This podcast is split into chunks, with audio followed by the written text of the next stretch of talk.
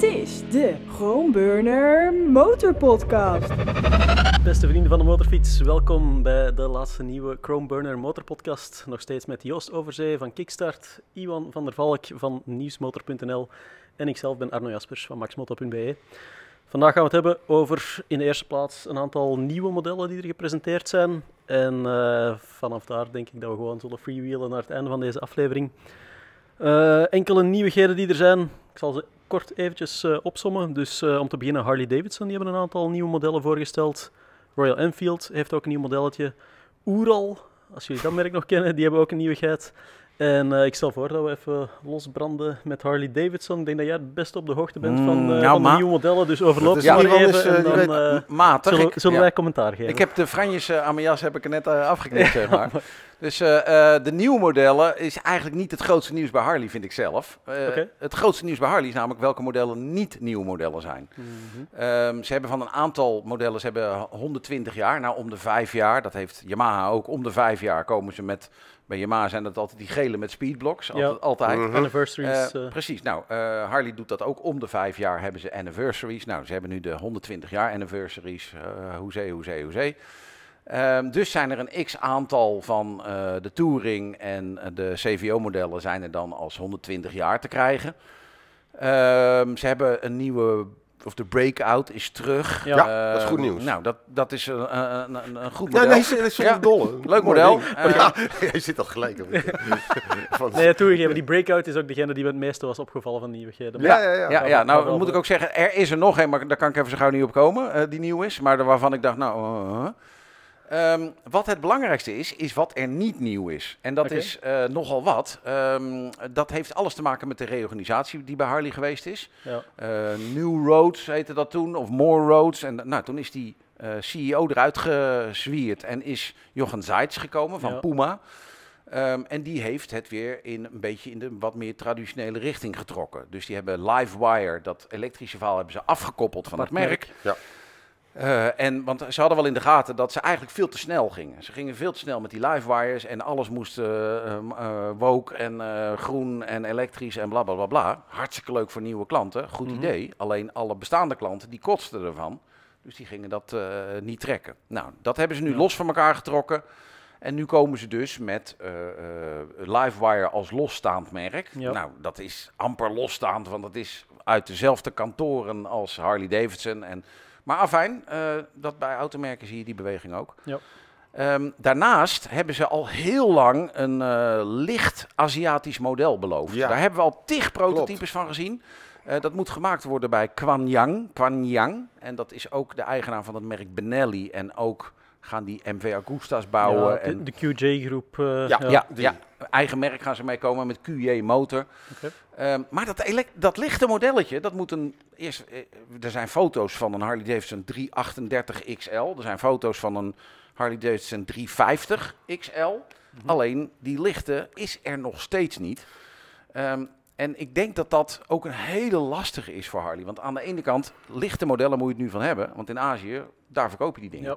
Het ellendige is alleen dat, eh, dat was bij die streetmodellen al. Dat bedoel ik. Daar wou ik net op in. Ja, die Street 500, die zagen er niet uit. Het was eigenlijk een beetje, ja, ehm, het is niet zo netjes om dat te zeggen, maar een beetje... zagen er niet uit. Het waren gewoon niet de typische motoren Harleys. die je van Harley verwacht. Nee, nee, Ja. nee. Ik En vond daar- op zich wel, wel leuke dingen, daar niet van. Re zich- rijden best op goed en Ja. looks en zo Klopt. waren niet slecht, maar ja, je voelde wel vanaf de seconde dat je op zo'n 7,5 stapte. Ja, het, En een 500 was er zelfs. Dat was een 500. Met die Volgens 500 mij heb is- ik nooit gereden, maar Nee, je, volgens je mij is het alleen maar naar Japan gegaan. Ja. was of zo. Volgens mij is het spul alleen maar naar Japan gegaan. Terwijl we toch nog wel een introductie van die motoren gehad hebben, van die 7,5. Ja, ja. Ja. Was jij waarschijnlijk Toen was ook bij ook bij. daar ergens. eh, Toen was hij bij. 7,5. Ja, Ik wilde net vragen, hoe was de 60th anniversary edition? Ja, ja? Eh, kan je ons daar nog iets meer over vertellen? dan moet je bij ons wezen. Ik ga, ik ga verder over, Nee, nee, nee, maar die, die, 7,5. die, was bij de oprichting. Want inderdaad, als jij dat nou aangeeft, inderdaad, van die lichte modellen. Ik bedoel, ze hebben dat toen wel geprobeerd met die, die street modellen, eh, inderdaad. Maar Ja. fijn, een motorblok, het was een geweldig motorblok, maar het had natuurlijk niets met Harley Davidson te maken. Dus uiteindelijk, de enige reden waarom mensen eh, dromen van een Harley Davidson, de mensen, even, hè, even De doorsnijden, algemene Harley-koper. dat is dat gevoel en dat is het eh, allemaal. En dat, dat dat, Dat ja, die hadden ze absoluut niet. Mhm. Net zo goed uh, Hyo Sung op de, op de tank kunnen staan. Ja, Ja. ja, Ja, werden ook in Indië geproduceerd. eh, waren wel, ik denk, de eerste die voor het A2-rijbewijs ook toegankelijk waren. Ja, en dat klopt wel. uiteraard, de prijs die lag ook wel Ja. een Ja. stuk onder die van eh maar de, het was de niet het, instap eh, Sportster, het- maar het is inderdaad niet het was eh, niet welkom in de wereld van Harley Davidson. eh, Nou, dat hebben meer merken. MV Agusta is met datzelfde Kwangyang bezig. Exact dat. Ja, Daar moet een eh, Lucky Explorer van komen, Ja. 9.5. En er moet ook een 5.5 van komen. Die moet daar uit die fabrieken komen rollen. Ja, mensen.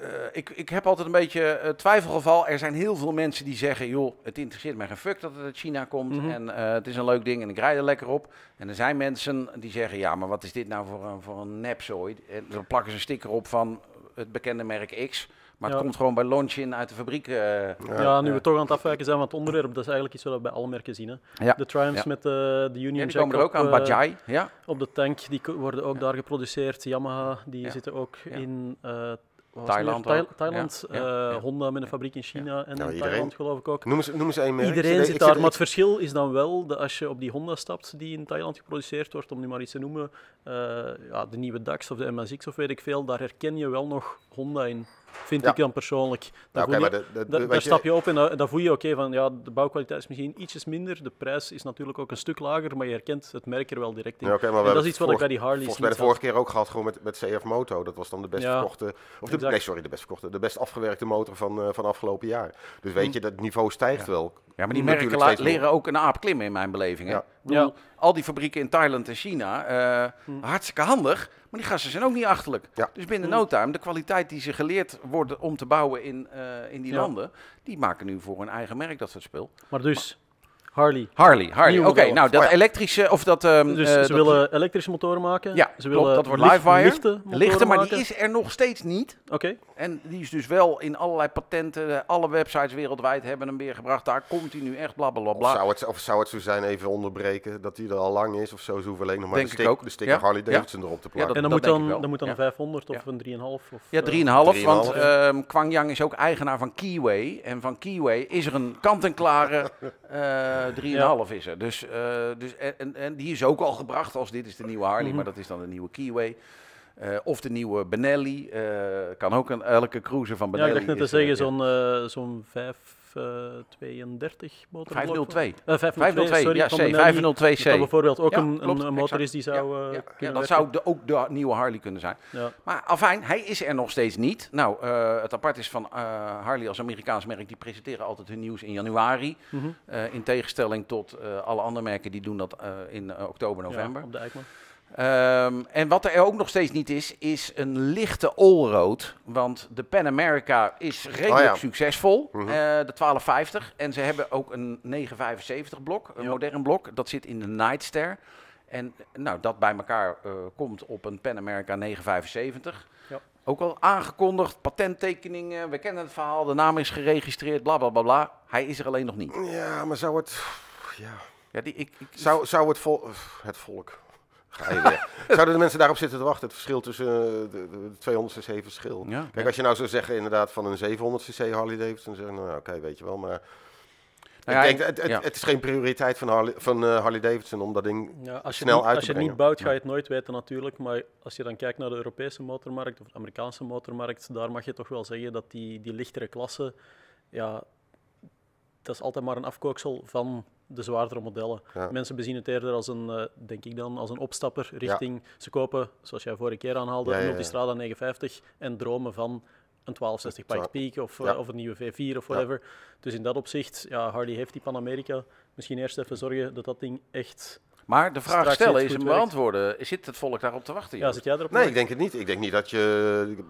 Kijk zelf Hmm. ook gewoon naar, naar inderdaad dus Multistrada. Kijk sowieso naar de, de verkoopcijfers ook. eh, Hmm. Dan zijn het allemaal de, de top-end motoren, de, de, de zware kanonnen die goed verkopen.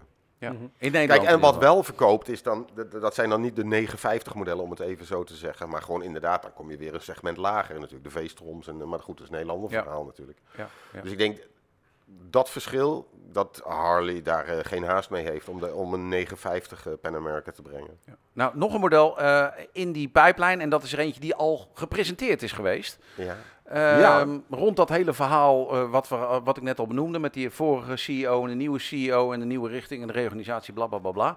Dat was de Bronx. Ja, En de nou, Bronx is een street fighter die al gewoon kant en klaar getoond is. Ehm, en ook daarvoor geldt weer.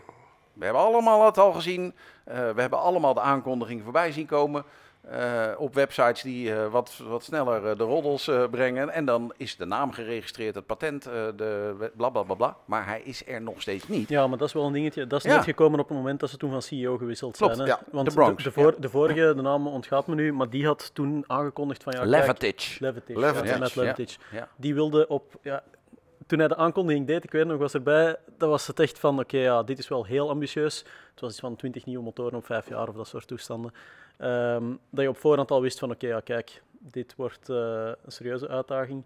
Ja, en dan een jaar, of nog geen jaar later, was er die wissel, meteen alles teruggeschroefd. Dus dan weet je ook gewoon van, kijk, er gaan modellen uitvallen. En dan lijkt me het eerste wat er tussenuit gehaald wordt, dat zijn modellen zoals de Bronx, waar je gewoon, ja, Ja, denk je? Ik dacht juist dat die Bronx het gat kon opvullen wat gevallen is toen Buell wegviel. hmm, Buell zeggen we dan in Nederland, Ja, vind ik ook wel leuk. Anyway, eh, eh, dat merk viel weg. En daar dacht ik altijd van, een echte vette naked bike, een dikke street fighter met een Harley-achtig motorblok erin. Daar zie ik wel markt voor. Ja.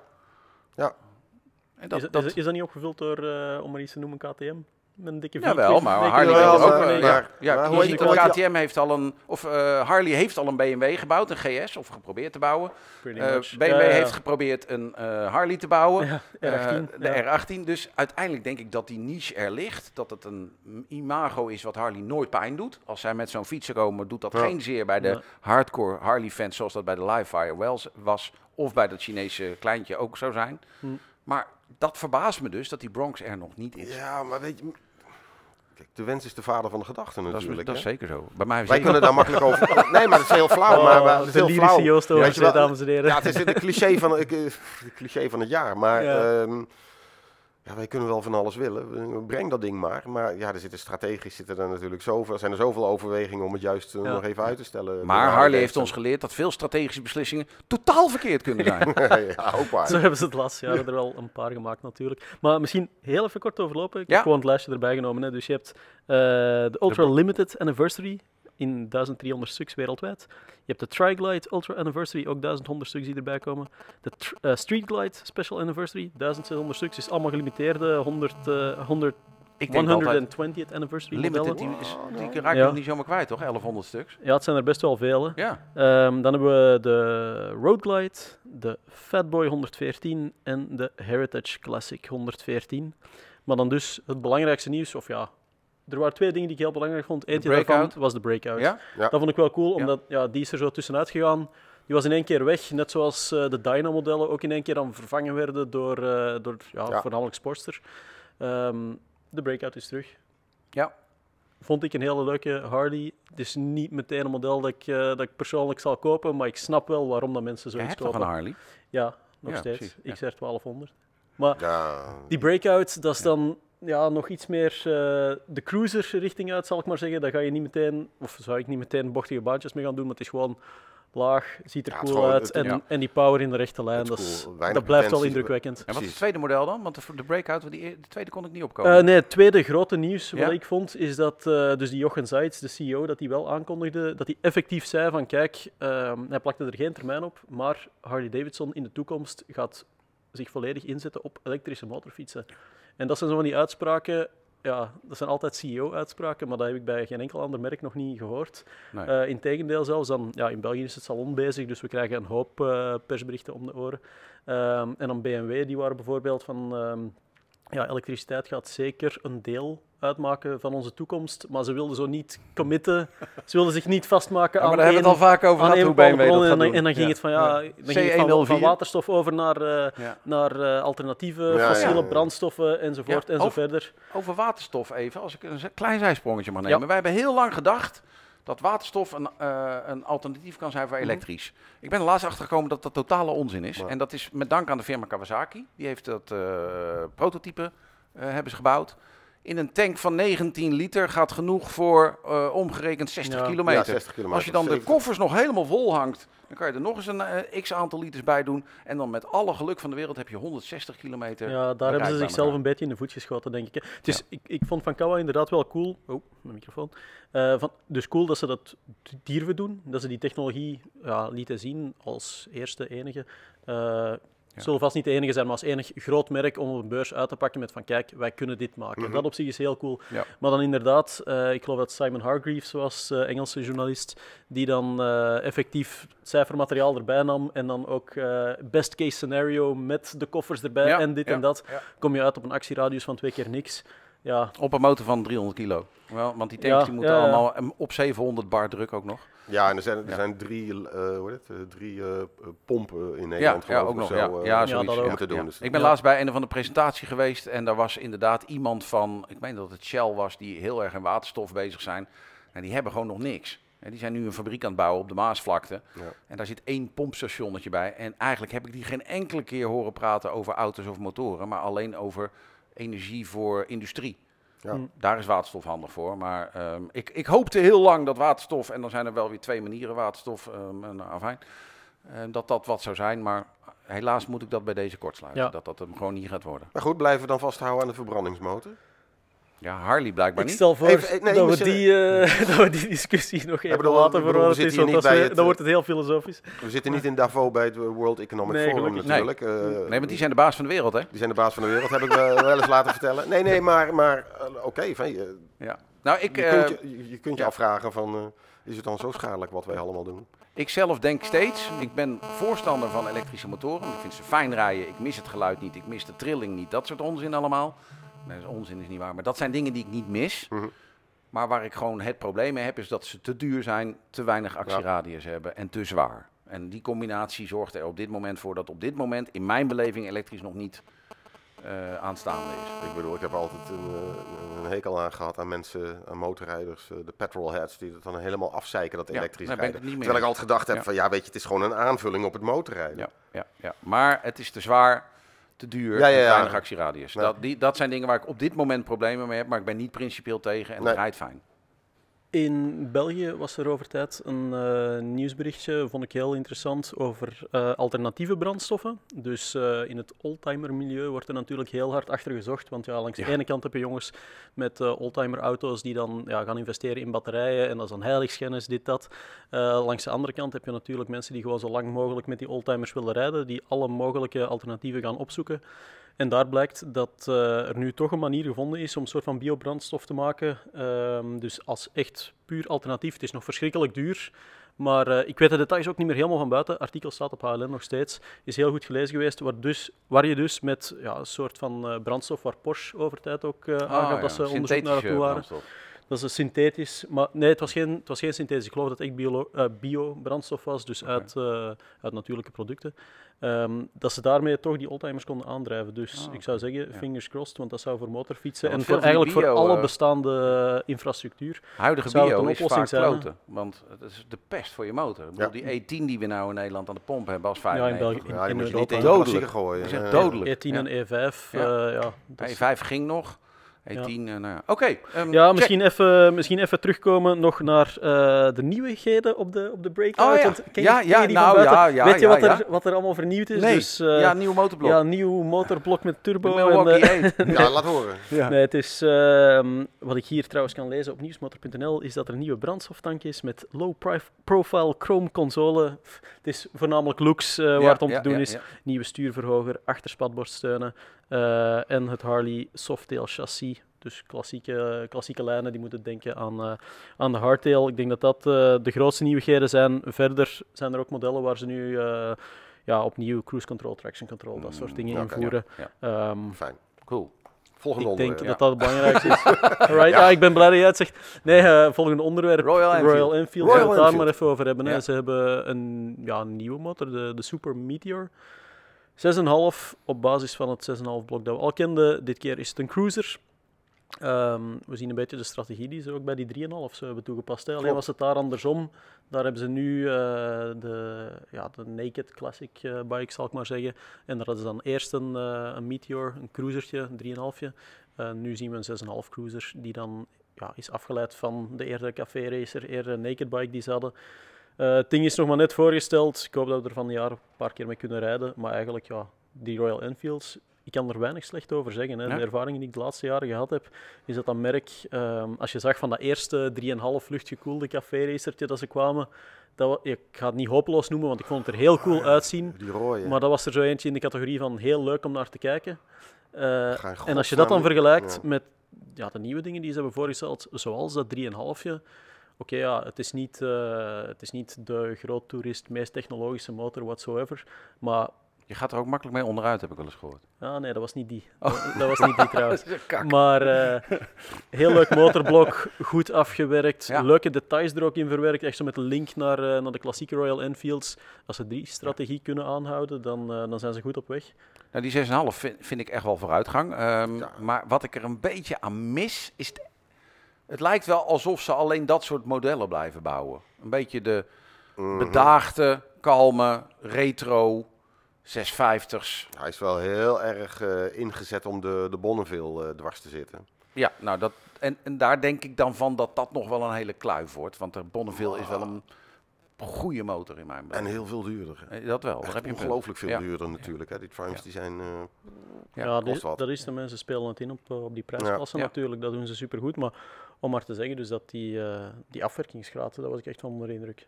Maar wat ik eh, een mooi voorbeeld vind, Triumph, als je kijkt naar Royal Enfield en Triumph, zijn daar wel best wel veel parallellen.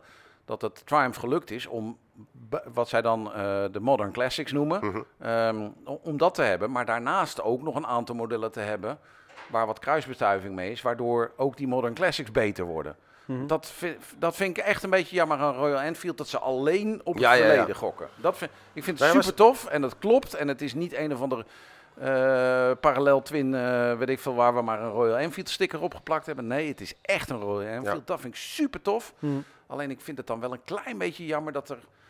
Ja, dan komen ook dit ding uit dat je denkt, ja jongens, had daar nou, Nou ja. net even wat meer Nee, dat is zeker, zeker waar. Wat bedoel, nieuws Het ook punt is wel natuurlijk van hoeveel Triumphs eh, zie ik op een dag rijden als ik eh, Hm. on the road ben. Dat is waar. Ik zie heel weinig Triumphs. Terwijl zij als merk echt alle segmenten afdekken. Ja, Klopt. Echt Klopt, ja, fantastisch. ja. Maar het is ook wel vaak dat je denkt, hé, hey, er rijdt een GS en dan is het een Triumph 1200. Ik bedoel, in die markt Ja. hebben ze Ja. eh, die Adventures, die Tigers, die doen, die, die Ja. doen ze best goed. ja, ja, Ehm, Maar eh, nee, ik denk dat je een punt hebt. Alleen, eh, ja, Royal Enfield is gigantisch als merk. Echt niet normaal, zo groot. Ja. Hm.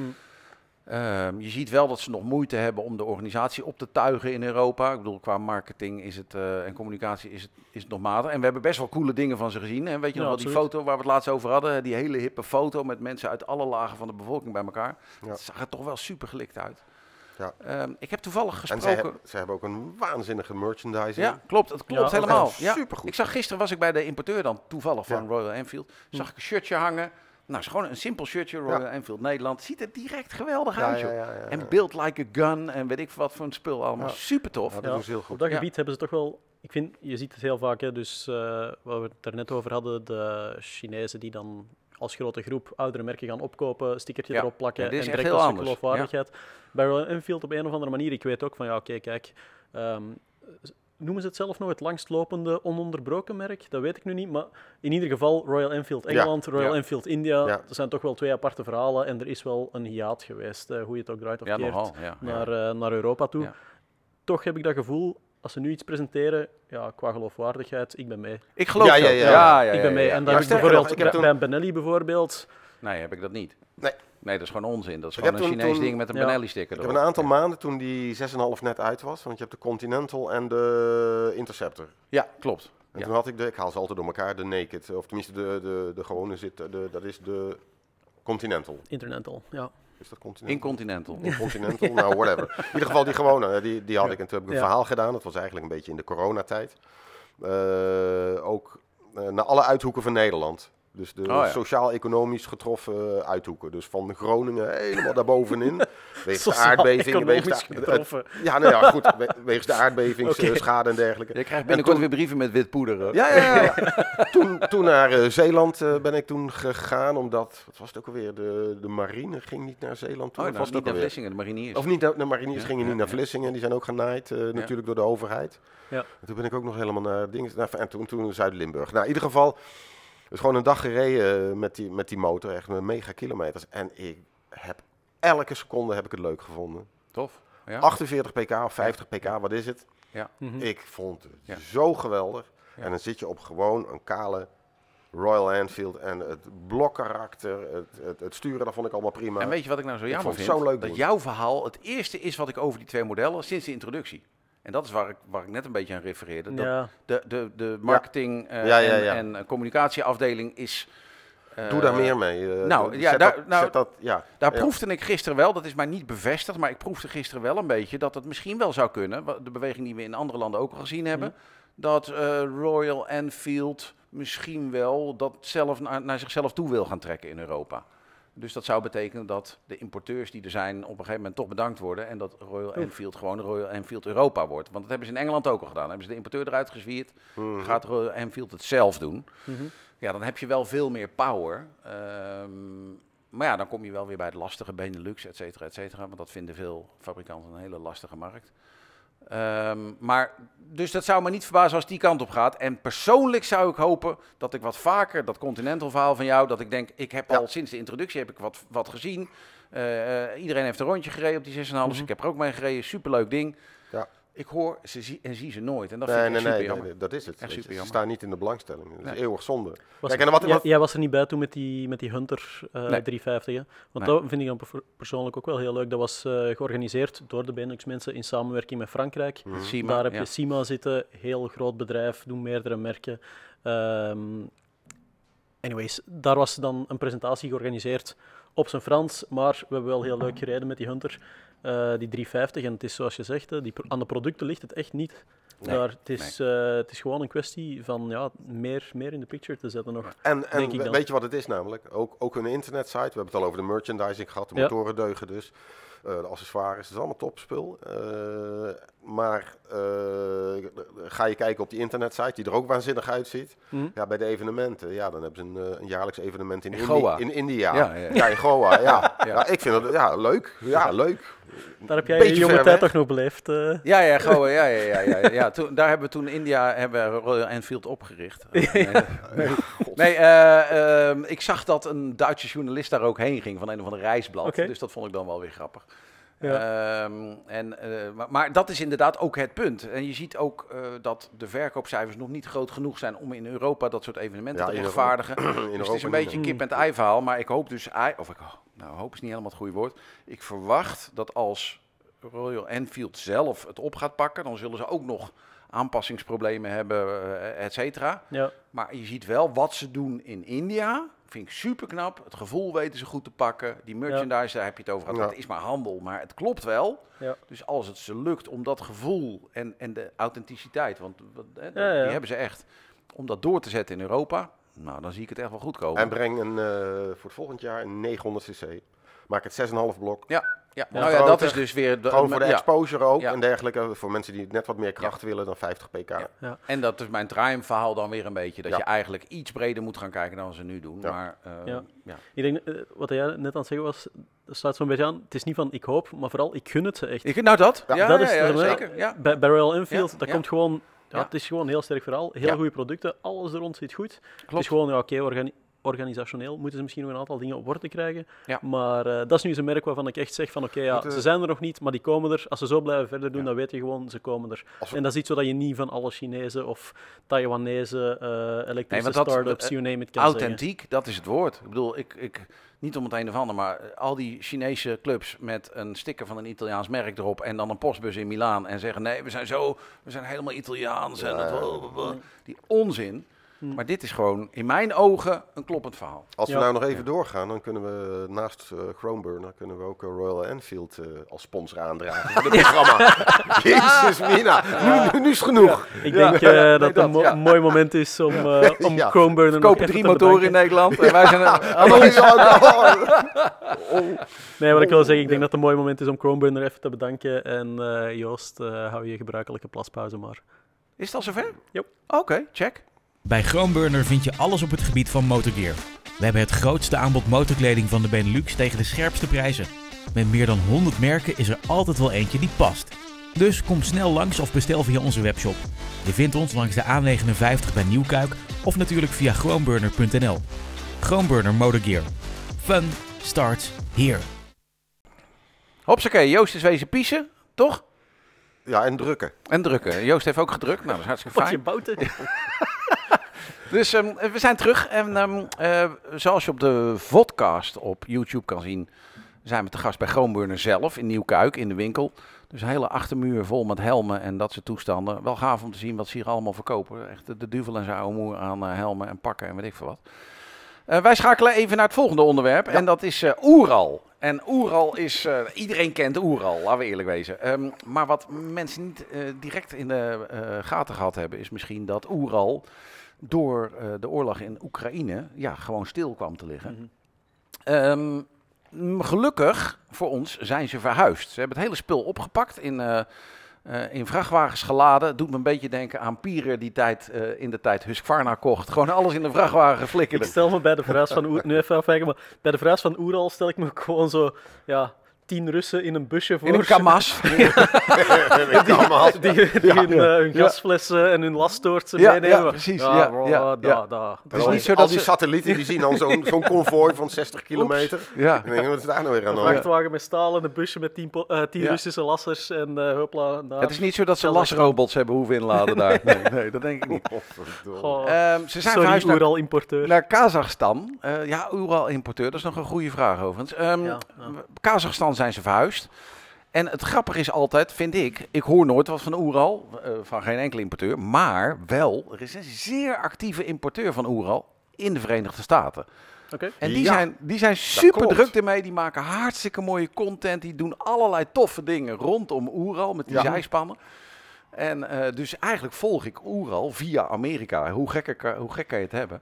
Dus ook de verhuizing naar Kazachstan werd aangekondigd via, eh, aangekondigd via Amerika. Je vindt inderdaad best wel wat video's, ik geloof asfalt en rubber en zo. Ja, klopt. Dat die Ja. met een Oeral zijspan gewoon ook de, de prairie ingaan. En, ja, eh, ja. en dat, is allemaal dat leeft heel erg. Ja, aangegeven door de Amerikaanse Ja. importeur die eh, Ja. het, het Oeral-gevoel het beste weet te vertegenwoordigen. Ja. Nou, dat is wel een hele bijzondere Ja, natuurlijk. dat is, dat is het ding wel met die sidecars inderdaad. Dus in de States heel populair, Ja. maar bij ons het enige wat ik ervan hoor is, ehm, ik geloof, ja, Dolf Peters, een eh, Oh ja. motorjournalist Ja, ja, ja, ja, ja. Die, die gek is van al dat Russische spul, die post dan eh, reclame voor eh Busweiler, geloof ik dat die kerel heet. Die, eh, ke- kerel, die zelf een hele hoop van die dingen gaat halen in Moldavië en, voormalige, voormalige. USSR. Eh, om ze dan hier terug op te lappen. Dus de dingen die hier ook, als ik al eens een Oeral zie, 9 kans om de 10 is het een oud ding. Wat, eh, Is het Dolf zelf? Terug, of is het Dolf Of is zelf? het Golf zelf, ja. ja, Een begint- oud ding dat opgelapt Ja. wordt, maar die nieuwe, ja, die zie je wel eens staan op, op de Eikma of, eh, of op de Intermod, wat daar nog van overschiet. En that's it. En die kosten dan ook belachelijk veel in vergelijking. Ja, hè. ook nog. Ja. Maar dat komt omdat als die dingen eenmaal uit Rusland komen, of tenminste kwamen dus inmiddels, Hm?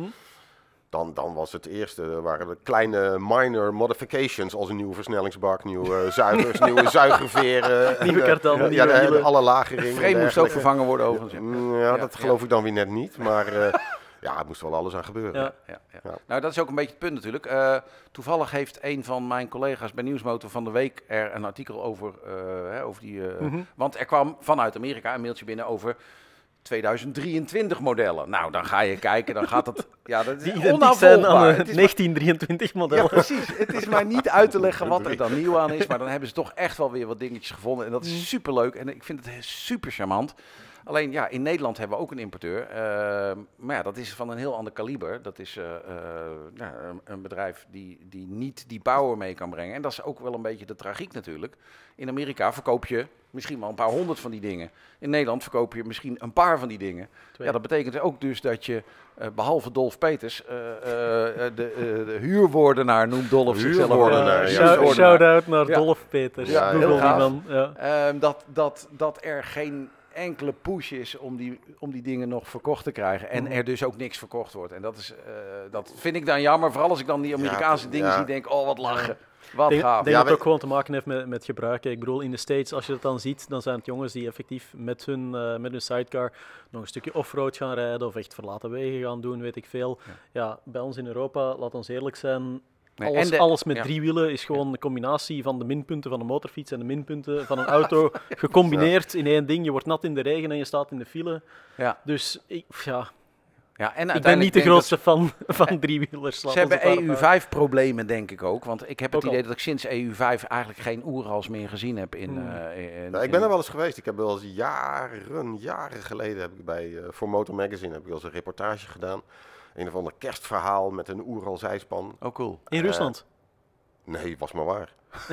nee, was maar waar. Nee, Ja. nee, maar toen hebben ze eentje opgehaald bij inderdaad de firma Gossi. Gossi, ja. Gossi in Gossi, Tolen ja, in Zeeland. ja. En dat is gewoon echt een klein familiebedrijfje en dergelijke. Ja, superleuk. Super charmant, super sympathiek eh, en zo. En later hebben we ook nog weer eens een keertje een reportage gedaan. Dat was eh, voor een verder niet nader te noemen tv-programma waar ik nog bij betrokken was. Ehm, en toen hebben we er eentje gehaald bij Goos Bos. En die zat bij Motoport, wat is dat? Eh, Hengelo of zo? eh, Hengelo, dat was het. Ja, ja, ja, Hij zit er niet meer, maar die was ook helemaal een Jello. van die dingen. Hm. En, eh, maar goed, Goos is niet meer daar, dus dat, eh, dat, dat verhaal is ook ten einde. Ja, oké. Nou ja, er Dus- zijn dus drie, eh, 2023 modellen van Oeral. Zijn er, hebben Ja. ze zelf Ja. aangekondigd. Dat was het nieuws, ja. In Amerika eh, vanuit Kazachstan, vreemd genoeg. Maar zo zit het dus in elkaar met Oeral. Oké. Eh, nou, ik hoop eigenlijk dat er nog eens iemand zo'n ding weet te krijgen. En misschien ook nog wel op het Nederlands kenteken. eh, want ik denk dat dat wel een beetje een dingetje is met die EU5-toestanden. Ja. dat, dat dat niet makkelijk is voor. Het is super charmant rijden. Ja, ja, ja, ik heb Het- nog het nooit is- met zo'n ding is- Het is gereden. zo nooit- ik heb nog nooit mechanisch als het maar zijn gereden. kan. Ja. En je hebt natuurlijk achteruitversnelling en dan heb je een lekke band en zet je het zijspanwiel erin. En eh, nou, weet je, alles kan. Eh, dat- dat- dat- Cool. maar het is echt, als je echt gewoon de, de, ja, het beginstadium van het motorrijden wil meemaken, Ja. dan, dan, Ja. dan moet je eens een keer met zo'n ding eh, onderweg gaan. Ik heb dat voorbij laten gaan ooit. Dat ik dacht, ik kan met mijn vrouw en mijn zoon wel op vakantie met zo'n ding. Ja. En voordat je het weet is dat jongen alweer zo groot dat hij... eh, Ja, ja, ja, die zegt, dan joh, past hij weer niet in het Ik ga echt niet in zo'n ding zitten. Het En, is eh, super charmant. Ja, ja, Ja, in cool. de persbericht stond trouwens ook dat eh 80% van alle Oerals die ooit gebouwd zijn, die rijden nog. Oh, dat geloof ik ook wel. Ja, Ja, 80 procent. ja de, de, de rest, de rest die is thuis geraakt. eh. Ja, ja, ja. Ja, ja, ja, sorry. Oudste, oudste Oh, grap, oudste grap maar ik moest hem even maken. Maar tegelijkertijd, ik, las, ik zag ook bij dat bericht inderdaad dat, dat ze opgericht zijn in 1941. Ja, ja, Oeral. klopt. Ja, ja, dan ja. denk ik ook, jezus, hoeveel zouden er in de buurt van Stalingrad nog Ja, liggen? ja, ja, ja, ja, ja. Moet, moet je even Ja. opgraven. Ja.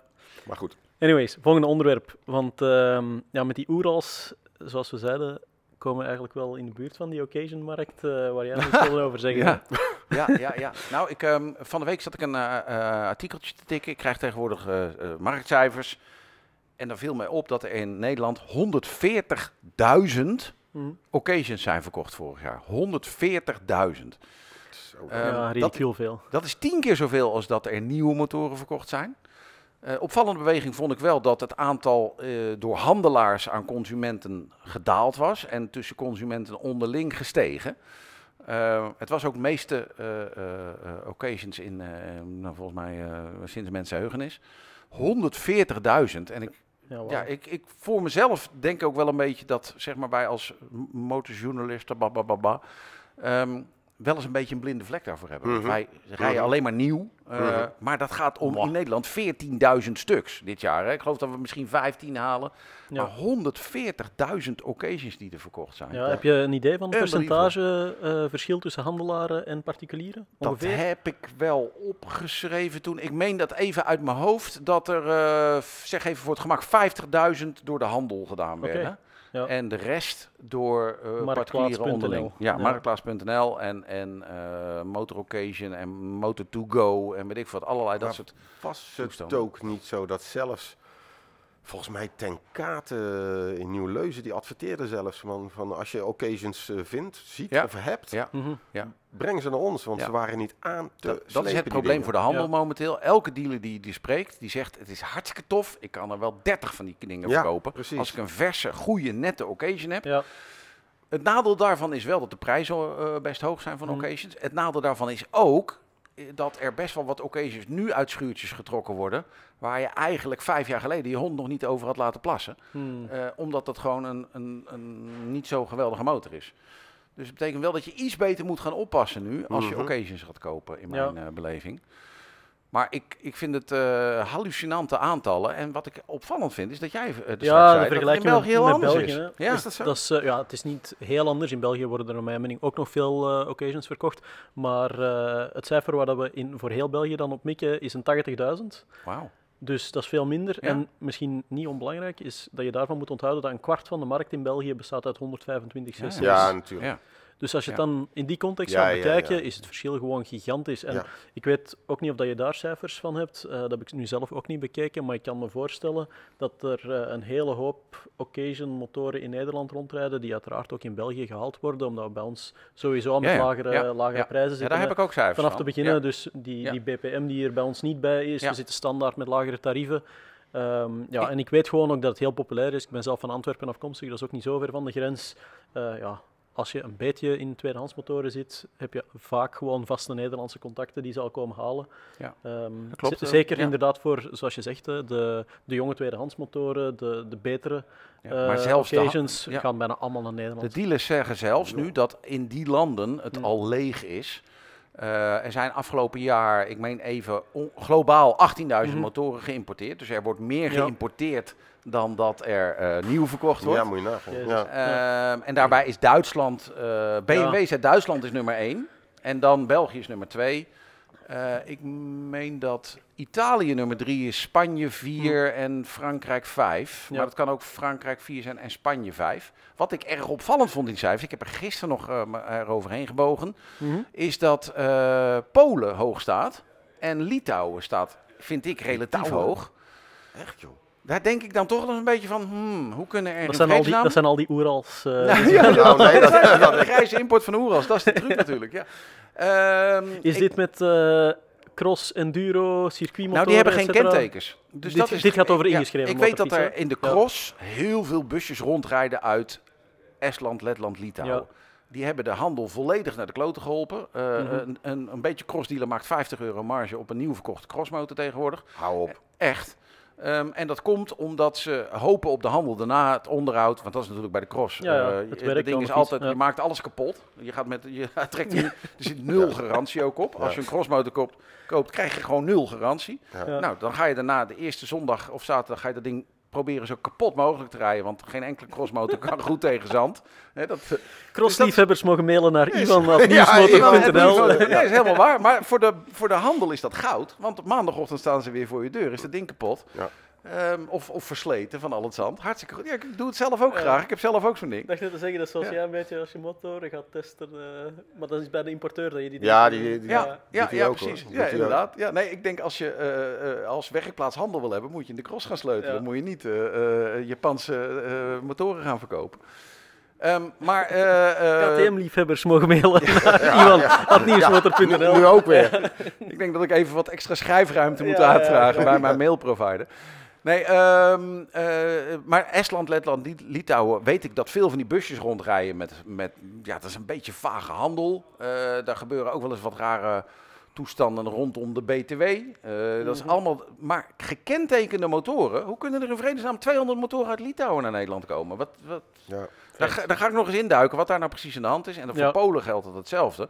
Eh, al is dat wel van een heel ander kaliber. Maar dat waren er relatief gezien ook heel veel. Dus Ja. dan denk ik, ja. eh, kijk, wat best veel gebeurt, is dat fabrikant, eh, merk. eh, we noemen geen namen, maar ik zeg het begint met een H en het eindigt op Onda. Of, hè, die eh, heeft in eh, een Nederland. Ze hebben nog een overstokje staan. hebben ze overstok. Ja. Nou, dan bel je je collega in Ja. Litouwen en dan zeg je, joh vriend, eh, hier heb je voor Jij, heel jij weinig. krijgt die Goldwings niet Ja. verkocht. Ja, ja, maar- ja. Ja, ja, Ja. stuur mij die Goldwings en dan stuur ik jou dit. En, Hm. eh, maar ja, de importeur zegt dan, eh, nee, ik heb helemaal niks aan die eh, dingen van jou. Dus wat doe je dan? Dan bel je de, de grootste handelaar van land X. Mhm. En dan zegt je tegen de grootste handelaar van, joh, eh, wil je tien van die dingen hebben of twintig of dertig? En dan zegt die handelaar, ja, dat is goed. Maar dan zeg je, ja, daar moet je wel een beetje stil over doen. Want eh, de importeur wil die dingen niet in het land hebben natuurlijk. Mhm. Dus op die manier gaan er best ook wel veel partijtjes door, het, eh, door heel Grijze Europa heen. Ja, en Ja. dat is dan, en vaak zijn dat dan motoren die eigenlijk nog zo goed als nieuw zijn, of misschien helemaal nieuw, maar Ja, ik weet dat dat vroeger in de UK echt speelde. Hè. Zo de periode van dat eerste 400cc eh, motorfietsen opkwamen, dat die dingen die waren geweldig populair in Europa blijkbaar ook.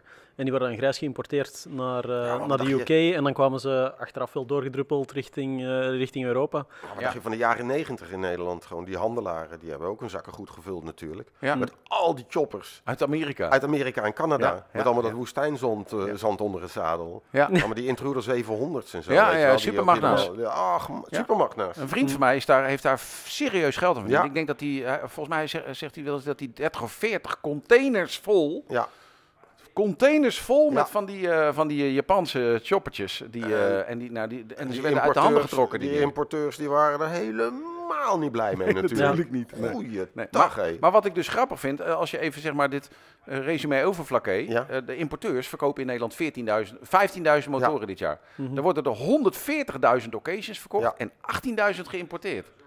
De markt gaat helemaal niet over nieuwe motoren. Hm. Nee. Het gaat over import, het gaat 1 op over de 10 occasions. is, ja precies. En dat, dat is Maar waar ligt het aan? Nou, ik Wat, denk- wat, zou ja, dat nou, wat zou nou een, een achterliggende gedachte zijn om, of tenminste niet om een tweedehands te kopen, maar waarom het zoveel interessanter is dan, eh, dan nieuw? Ja, Ja, ik tuurlijk, denk, natuurlijk eh, verkoopprijs, logisch, ja, Ja, tuurlijk. marges. Ja, kijk, de ellende vind Maar ik vaak dat er zitten nogal wat stations tussen. Ehm, kijk eens, een eh, eh, Japan fabriceert een motor, die verkoopt hem als het ware aan, aan de Mhm. Europese vestiging. De Europese vestiging verkoopt hem aan de Nederlandse vestiging en de Nederlandse vestiging verkoopt hem aan de dealer. Die moeten er allemaal hun marge tussen Ja. hebben en daardoor wordt zo'n ding best wel duur. Persoonlijk vind ik dat er op dit moment eindelijk middenklassers zijn die Nou, dat bedoel de ik. moeite waard Ja, zijn. ja, Voor, ja. Het is 9000, voor het is- 9000 euro koop je een nieuwe Honda Hornet. Snap je? Dat, Wow. bedoel, dat, be- Ja. dat bedoel Ja, ik. Kijk, maar ja, blijft, blijft geld. Maar weet ik ook 9000 allemaal euro wel. is wel echt geld. 9000 euro. Ja. Kaching. Dat is hartstikke veel geld. Nou, Super toffe motor. MT-07, wat is Ja. het, 8,5 of zo? Het Ja, 8. Ja, ja klopt. En, eh, is niet de wereld. Nee. Maar ja, als je dan... Maar koop je daarvoor dan toch gewoon een tweedehandse? Ga je dan toch voor 5 miljoen Ja, eh, dat is het aloude verhaal van eh, betaal je meer voor service en twee jaar garantie en dit en dat ten opzichte van ja, tweedehands. En, ja, ik- kan er nu over meespreken in België, om dan terug even op onze vorige aflevering te komen, speelt die hele heisa rond de keuring bij Ah, verkoop. Ja. Ja, Dus ehm, sinds 1 januari worden er ehm, motoren gekeurd op eh, onder andere hun papieren, de juiste banden, het balhoofd, de remmen, etc. Ehm, De en ja, basisdingen echt. echt- echt Echte basis. Basic, basic. ja. Het, kost, eh, het kost je 53 euro en eh, ook wel het werk om een afspraak in te boeken, naar daar te rijden, dit, dat. Dat is eigenlijk de grootste klacht die veel mensen erover hebben, dat het een dat, ja, geldklopperij en, en weer extra gedoe is. Maar je hebt dus die basiskeuring die erbij komt. Ehm, daar zijn een aantal heel interessante cijfertjes uit voorgekomen voor de Cool. occasionverkoop. Ehm, zo zagen we in november dat er eigenlijk al 30% meer tweedehandsmotoren ingeschreven werden. ja. Van mensen die natuurlijk ja, die keuring te snel af ja, zijn, die nog heel graag willen door blijven rijden met hun eh, open uitlaten en eh, heel kleine lichtjes vooraan. Maar die weet ik keuring was toch alleen als je hem verkocht? Ja, is enkel Ja. als je hem verkoopt. Ja, maar als jij dus, eh, zeg maar iets, je hebt drie motoren in de schuur staan, waarvan er eentje met een nummerplaat is, twee zonder, eh, en je wilt Ah, die toch nog op jouw naam ingeschreven hebben of er een nummerplaat op hebben, dan moet je nu eerst naar de keuring gaan met die motorfiets en dan kan je hem pas inschrijven. Terwijl dat je hem tot ja, officieel 15 januari wel nog even zonder keuring kon inschrijven. Dus als je echt een, een, eh, een zelfbouwproject hebt of eh, ik zeg maar iets, een circuitmotor die je niet eh, nog eens keer op keer wilt, oh ja, wilt ombouwen voor de verkoop, dan kon je hem nog zo inschrijven. Zonder dan had, keuring had je nog de papieren zonder iets. Echt waar? Ja, Wauw, dus dan kon je gewoon een, een zelf getimmerde motor, eh, kon je zeggen, doe Zolang er een kenteken op. zolang dat je de juiste papieren had, eh, ja, kon je Oh, je moet wel iets van papier hebben. Ja, ja, oké. uiteraard. je, Oh, kan, oh, je kan niet zomaar eh, nee, nee, nee, een volledig zelfbouwproject hebben. Vanaf het moment dat je een gelijkvormigheidsattest had en een Mm. inschrijvingsbewijs of Ja. COC, dan, Ah, dan kon je hem check. inschrijven. Ja. Wat dus blijkbaar wel voldoende incentive was, Ja. want in december zijn er 7600 extra motoren ingeschreven. ja. Of van mensen, en ik geef het grief Ja. toe, ik heb zelf ook nog snel eh, Oh, een paar motoren ja, ingeschreven. ja, ja. Die schrijf je dan in, je verzekert ze voor één dag, laat daarna de nummerplaat terugschrappen en je hebt papieren op jouw naam, de juiste papieren erbij. Wil ik die terug verkopen? Oké, ja, in mijn geval ging het echt om een geïmporteerde motorfiets, dus dan vind ik het Die leuk. Harley zeker. Nee, nee, nee, dat was Oh. een ander- andere, andere Oh. fiets.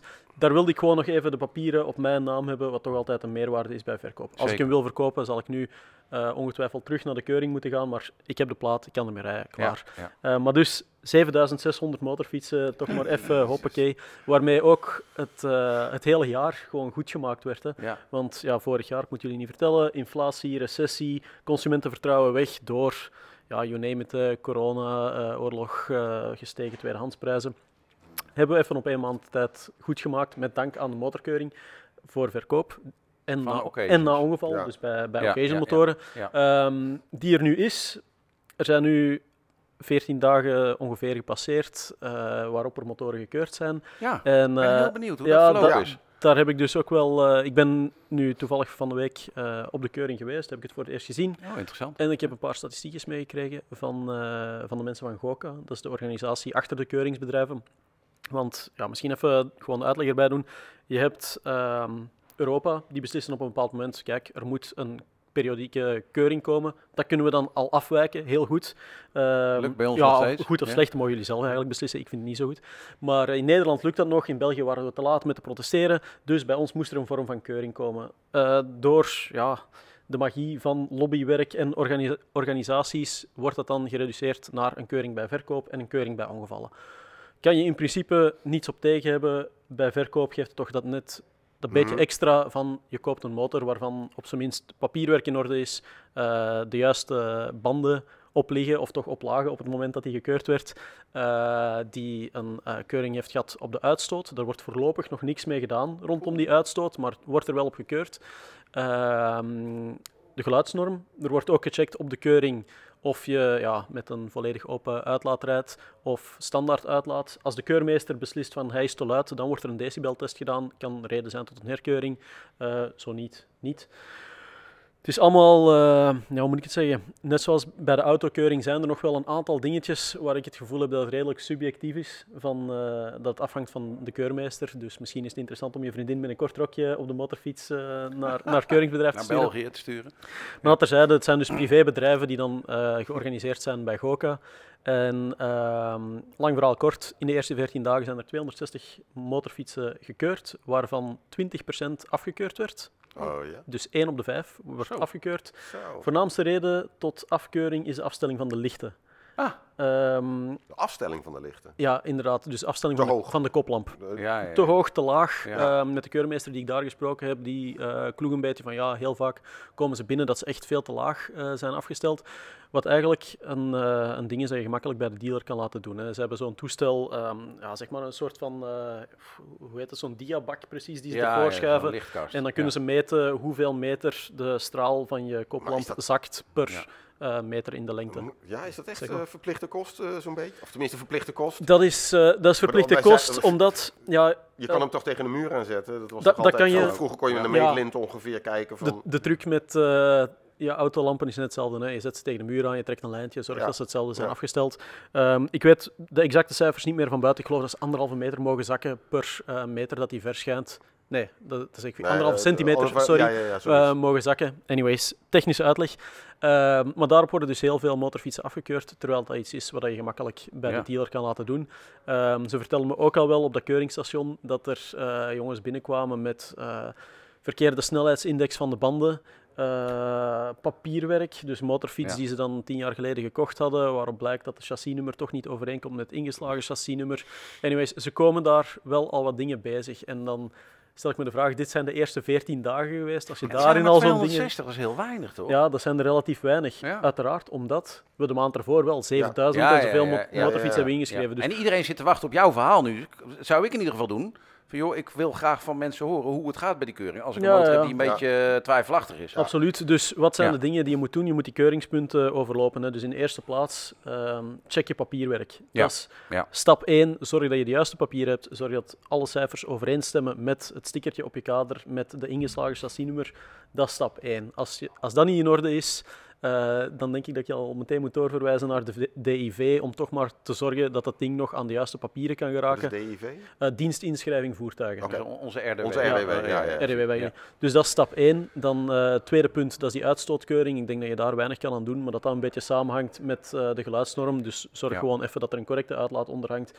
Eh, qua, qua luchtfilter, et cetera, dat durf ik zelfs niet zeggen welke invloed dat, dat gaat hebben. Maar dat is Ja. allemaal redelijk vanzelfsprekend. Ander belangrijk puntje is wel eh, je balhoofd. Dat wordt ook gecheckt. Dus zorg dat je daar geen, eh, geen dood punt in het midden van je balhoofd hebt. Ah. Lang verhaal kort, ga gewoon eerst even bij de dealer langs. Als je het zelf niet weet, als je zelf niet de technische kennis hebt om heel basic dingen aan je motorfiets, zoals eh, ja, te zorgen dat je voorvork en, en achterschokbreker dat die niet lekken, dat de juiste bandenmaat gemonteerd is, dat je voldoende profiel op je banden hebt, dat soort dingen. Als je dat niet weet of daar geen kennis van hebt, dan is het heel eenvoudig. Ga naar de dealer, Ja. geef je motor een kort nazicht en dat zijn echt de basic dingen, want deze keuring, die, eh, er wordt gezegd van het duurt zo'n zo'n veertigtal minuten.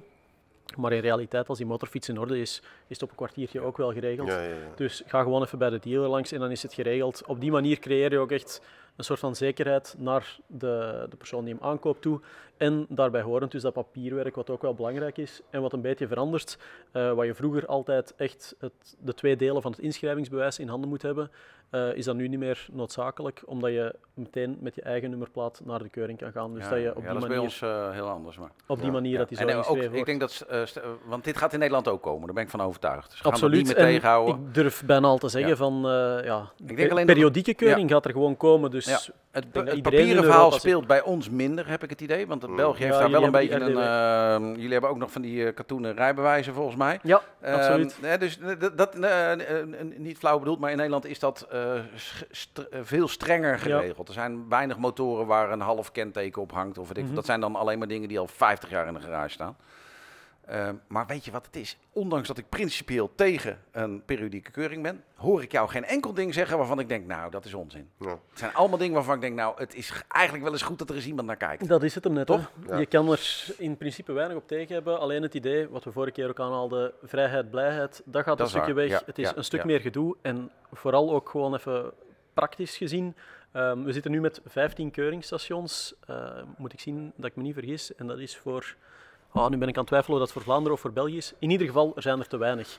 Dat, Ja, wordt, dat wordt heel Ja. snel uitgebreid. Dus vanaf 1 Worden weer maart zouden er al een stuk meer zijn. Ja. En dat, ko- dat komt ook wel in orde, ben ik van overtuigd. Als je ziet dat er in december al zoveel is ingeschreven geweest, gaat het nu stelselmatig terug opbouwen. Uiteindelijk aan die 80.000 keuringen op een jaar, ik denk niet dat dat een probleem gaat zijn. Het is alleen, momenteel is het op afspraak. Je moet echt zorgen dat je op voorhand je afspraak gemaakt hebt. Eh, tegen dan zorgen dat je motorfiets echt in orde staat. Dus zelf even een technische check doen of bij de dieren langs gaan. Het is gewoon weer Ja. wat extra gedoe dat erbij komt. Ja. En dat is nu net de reden waarom ik ben gaan motorrijden, om geen gedoe te hebben. Hè, dat waar, Dus ja. in dat opzicht denk ik wel dat momenteel even zeker een rem op de markt is. Ik denk dat in de toekomst gaat het zeker voor meer eh, ja, koopbescherming, kopersbescherming zorgen. En eh, gewoon ook ja, een betere technische staat van de motoren. Alleen ja, het argument dat je dan ook kan maken is van echt naar veiligheid toe. Ehm, ik denk dat er heel veel gevalletjes gaan zijn, zoals met het afstellen van die lichten, om maar iets te noemen, ehm, dat je daar aankomt bij eh, de subjectiviteit van de keurmeester. En dat dan eh, ja, die ene centimeter die die lamp hoger of lager staat, Ja. gaat Maar- dat het grote Nou, verschil ja, maken. m- Mijn vraag in dit hele verhaal is van... Je moet eh, daar eens een hoe- lijn trekken. Hoe, hoe clement zijn ze met klassieke motorfietsen? Ja, dat is Dat inderdaad... is natuurlijk wel. eh, Kijk, als ik mijn CB 250 eh, bekijk uit 1973, als Ja, ik kom, die, die zal er vast, vast wel wat op aan te merken hebben. Te Mhm. weinig lichtopbrengst, terwijl Ja. dat toen eigenlijk Ja. heel courant was. mhm. Eh, misschien de originele uitlaten maken die best wel eh, geluid. Dat zal best wel. Ja. Maar Ik aan de weet- andere kant denk ik, als ik, wat, wat, wat mij dan een beetje opvalt, is dat jij zegt van joh, er zijn er 260 geweest. Daarbij zijn zoveel dingen afgekeurd.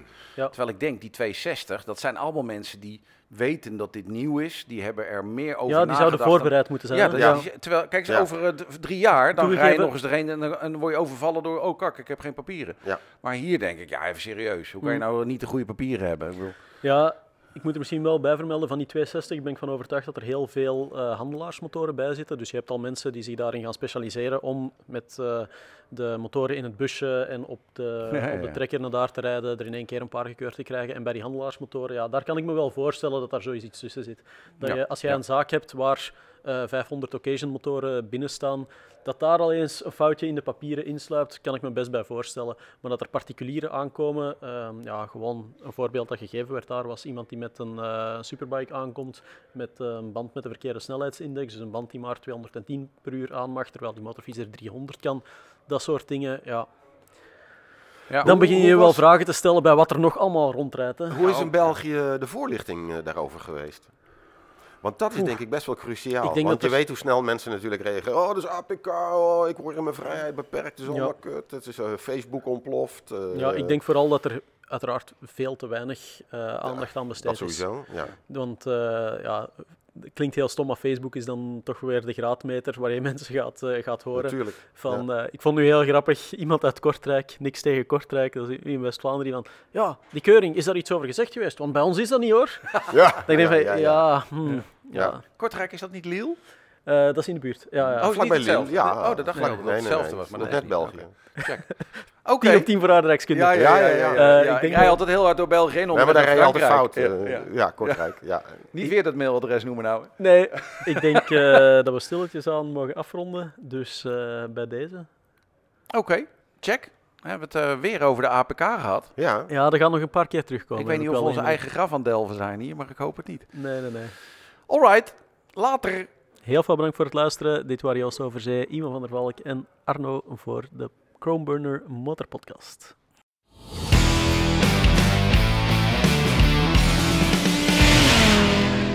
Dit was de Groenburner Motorpodcast.